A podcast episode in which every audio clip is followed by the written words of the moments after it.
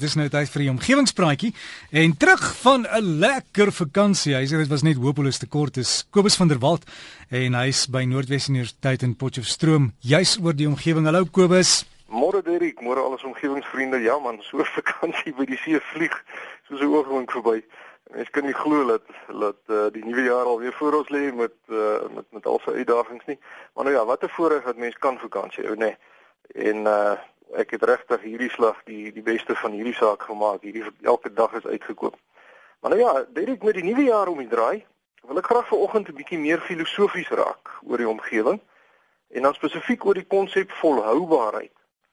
En ek doen dit aan die hand van 'n preek uh, wat gelewer is deur Dominee Yuri Wessels van Potchefstroom by die doop van goeie vriende van ons, dis nou Eddie en Martie Edwards hier van Potchefstroom se kleinkind so 'n maand of wat gelede. En die preek het my uh, regtig aangespreek en my bietjie dieper laat dink oor waarmee ons nou eintlik besig. Ek doen nie Wessel se boodskap het breedweg gehandel oor die Kersseisoen en dat almal gelukkig en vrolik is en almal praat van vrede en liefde en geluk. En ons wens almal dat die geld wat gespandeer word aan sekuriteitsheininge om ons huise en alarmstelsels en militêre wapens reg oor die wêreld eerder gebruik kan word vir meer produktiewe en heilsame doeleindes en dat daar meer vrede en eerlikheid en voorspoed en geluk op aarde sal wees in die nuwe jaar.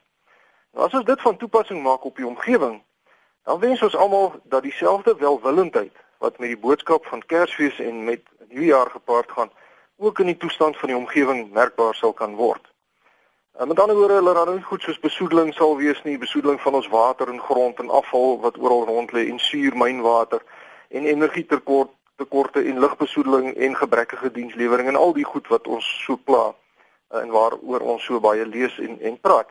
Ons almal soek na vrede en harmonie en liefde en geluk hier oor die Kersseisoen vir die nuwe jaar en ons soek dit ook in ons verhouding met die omgewing. Nou die vraag wat Dominee Wessels in sy preek uitgelig het is wat is die rede waarom ons na hierdie vrede soek? Wat sit agter dit? Wat is die werklike motief agter hierdie hinkering na vrede en harmonie? En dan kom mens by die vraag is dit die werklike Bybelse vrede wat ons soek of is daar nie dalk 'n mate van eie belang hier teenwoordig nie?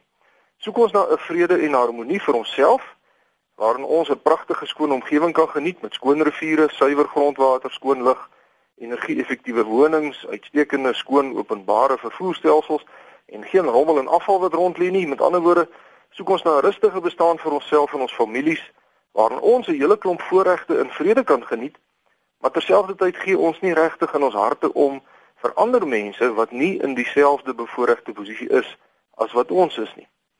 Ware vrede en vreugde, soos wat verkondig word hier oor die Kersfeestyd en wat nou uitgespreek word as ons mekaar 'n voorspoedige nuwe jaar toewens, is slegs moontlik as daar nie mense is wat in hierdie tyd nie 'n dak oor hulle koppe het nie of honger ly nie of werkloos is en in hierdie vakansiedae iewers maar sonder hoop rondsit nie.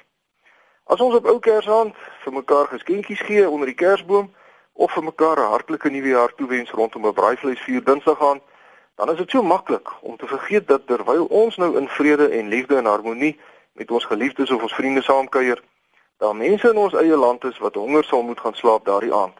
En dan vergeet ons maklik dat voor God elkeen van ons net so skuldig staan as die mees korrupte amptenaar of die gruwelikste misdadiger in ons land. Dominee Wessel se boodskap was dat as ons dit vergeet, Kersfees en Nuwejaar slegs 'n skynvrede verteenwoordig en dat kinders van die Here nooit tevrede mag wees met so 'n toestand nie, want dit is eties en moreel onverdedigbaar en in terme van omgewingsbestuur ook onvolhoubaar. So waaraan dink ons almal gedurende hierdie vakansietyd? Is ons gedagtes besig met planne oor hoe ons in die nuwe jaar ons eie welvaart en lewenskwaliteit kan verbeter? Of is daar in ons gedagtes ook plek vir hoe ons kan help om die probleme in ons land aan te spreek en dis ook die omgewingsprobleme? Die Wessels se sentrale boodskap was dat 'n vrede waarin ons eintlik maar vrede het met ander mense se probleme en hulle behoeftes nie die ware vrede van Kersfees verteenwoordig nie. Nou die probleem met baie van ons is dat ons elkeen vrede soek om ons eie voorwaardes en tot ons eie voordeel. Ek kan net vrede hê as ek persoonlik tevrede is en as ek lekker lewe en die meeste van ons het iets van hierdie tipe denke in ons en dit het ek besef gedurende die preek. Uh, kom ek noem 'n voorbeeld uit omgewingsbestuur om dit te illustreer. Ek het hierdie jare letterlik honderde briewe van omgewingsvriende af ontvang wat meer inligting soek oor songeisers. Maar die vraag wat telkens soos 'n refrein deur al die navrae loop, is hoeveel geld elke persoon maandeliks op sy elektrisiteitsrekening gaan spaar en hoe vinnig die songeyser dan nou betaal gaan word. En slegs enkele mense het 'n songeyser geïnstalleer omdat dit die regte ding is om te doen. Met ander woorde, min mense was regtig bekommerd oor hulle invloed op die omgewing en dat 'n songeyser kan help om 'n beter omgewing vir hulle kinders na te laat. Die meeste mense was begaan oor hoeveel geld hulle gaan spaar. Ek tref dieselfde denkraamwerk aan as mens oor hersirkulering van afval praat. Sommige mense vra, "Waarom moet ons dit doen as ander mense dit nie ook doen nie? Kyk net hoe lyk ons land." En net soos met songeisers is die antwoord daarop bloot omdat dit die regte ding is om te doen sodat elkeen van ons se omgewingsvoetspoor so klein as moontlik kan wees sodat ons vir ons kinders 'n beter aarde kan nalat. En vir gelowiges natuurlik is die groot rede omdat God ons beveel het om na die aarde om te sien. Nou doen die wessels se daarop gewys dat as ons elkeen bly vasklou aan ons eie gerief en lewenskwaliteit en status en erkenning en nie bereid is om opofferings te maak ter wille van volhoubaarheid nie, dan mis ons die vrede waarvan die Bybel praat heeltemal. Geen mens kan ooit tevrede wees met die lewe solank as wat daar een enkele babatjie is wat vandag dalk nie kos gaan hê om te eet nie. En as dit nou van ons verg om 'n bietjie meer moeite te doen deur ons afval te hersirkuleer of om minder met privaat motors te ry as daar dalk publieke vervoer of 'n saamryklub beskikbaar is, al is dit dalk iets wat ongerieflik vir ons, of as ons uit ons gemaksones moet klim en met ons kennis en ons vaardighede werklik 'n blywende volhoubare verskil in minderbevoorregte mense se lewens moet maak, dan moet ons dit met blymoedigheid en met oorgawe doen. Net 'n paar dae gelede het ons die feit dat Jesus van al sy voorregte en selfs sy status as God afstand gedoen het ter wille van elkeen van ons herdenk. En hierdie feit moet ons almal leer dat ons dieselfde gesindheid behoort te hê teenoor mense wat ons hulp nodig het en ook teenoor die omgewing, want die omgewing het ons almal se hulp net so dringend nodig as ons enigsins 'n leefbare aarde vir ons nageslagte wil nalat. Ek het verlede week gesê as ons nie die uitdagings aanpak en die probleme help oplos nie, dan word die probleme en die uitdagings net al hoe groter en dit word dan ons kinders se probleme. En daarom my beroep vir oggend, wanneer ons nou almal in hierdie wonderlike tyd heerlik feesvier saam met ons vriende en ons familie, dan moet ons nou nie net rondom die braaivleisvuure bymekaar kla oor alles wat verkeerd is in ons land en in die wêreld nie, maar dink tog aan die lot van minderbevoorregte mense en ook aan die lot van die omgewing. En wanneer ons nou na die vakansie terug is by die huis, laat ons denke dan oorgaan in dade en kom ons begin om die regte dinge te doen met die regte gesindheid. So uh, en baie van die dinge wat ons kan doen is nie moeilik nie. Dit kos ook nie baie geld nie. En dit verontrief ons ook nie so erg nie. Kom ek noem 'n paar voorbeelde. Die druk op die omgewing neem voortdurend toe omdat daar al hoe meer mense op aarde bykom. So 'n blote gesprek met diegene wat as bediendes of tuiniers vir ons werk En die oordra van die feit dat daar elke 4 dae 'n miljoen nuwe babas op aarde bykom, is al iets wat baie positiewe vrugte kan afwerp met betrekking tot omgewingsvolhoubaarheid. Of dan 'n brief aan die stadsraad wat die korrekte perspektief stel op amptenare se etiese en morele verantwoordelikheid om byvoorbeeld rioolwater behoorlik te suiwer voordat dit toegelaat word om terug te vloei in die riviere in.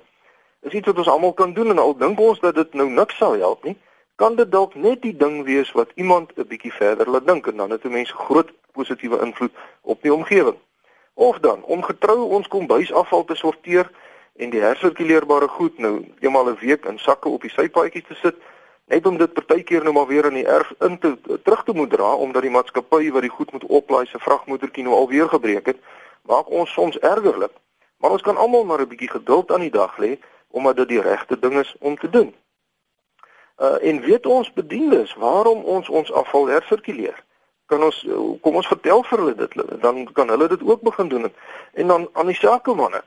Is daar 'n staande agenda punt wat vereis dat by enige besigheidsbesluit die vraag gevra moet word wat die invloed op die omgewing en op volhoubaarheid sal wees? En as die omgewing en die en volhoubaarheid gaan skade ly deur so 'n besigheidsbesluit, dan moet daai besluit eenvoudig nie geneem word nie. Al beteken dit dat mense dalk geld kan verloor. En omgewingsvriende, so kan ek nou aangaan, maar ek dink die punt is gemaak. Ons elkeen het 'n verantwoordelikheid om die vrede en die harmonie wat ons in die pas afgelope Kerstyd gedenk het en wat ons ook Woensdag eh, DV vir mekaar gaan toewens in ons lewens toe te pas op so 'n wyse dat dit regtig 'n verskil maak. En daarmee wens ek graag vir al ons omgewingsvriende en ook vir die personeel by RSG 'n opwindende, geseënde en voorspoedige 2014 toe. En dan Derek spesifiek aan jou, um, ek weet nie of al ons omgewingsvriende dit weet nie, maar Derek het gister verjaar. So Derek vir jou 'n baie geseënde nuwe jaar en en mag voorspoed ehm um, ryklik na jou kant toe kom. Ons omgewingsvriende is welkom om vir my te skryf. My rekenaaradres is kobus.vanderwalt@nwu.ac.za of u kan vir my 'n brief skryf by die fakulteit Natuurwetenskappe, Noordwes Universiteit, Potchefstroom 2520. Ons gesels weer weer volgende jaar en tot dan vriendelike groete. Kobus, dankie vir jou ook en ek sal vir jou dadelik my bankbesonderhede gee dat jy die geskenkie kan inbetaal. Nee, ek maak 'n grap. ek doen dit graag. Maar maar voorspoed vir jou ook in 2014. Ons sal weer gesels volgende jaar, Kobus. Dankie Dirk. Goed gaan. En dit dan Kobus van der Walt ons omgewingspraatjie daar uit Potchefstroom en onthou daai e-posadres is kobus.vanderwalt@nwu.ac.za.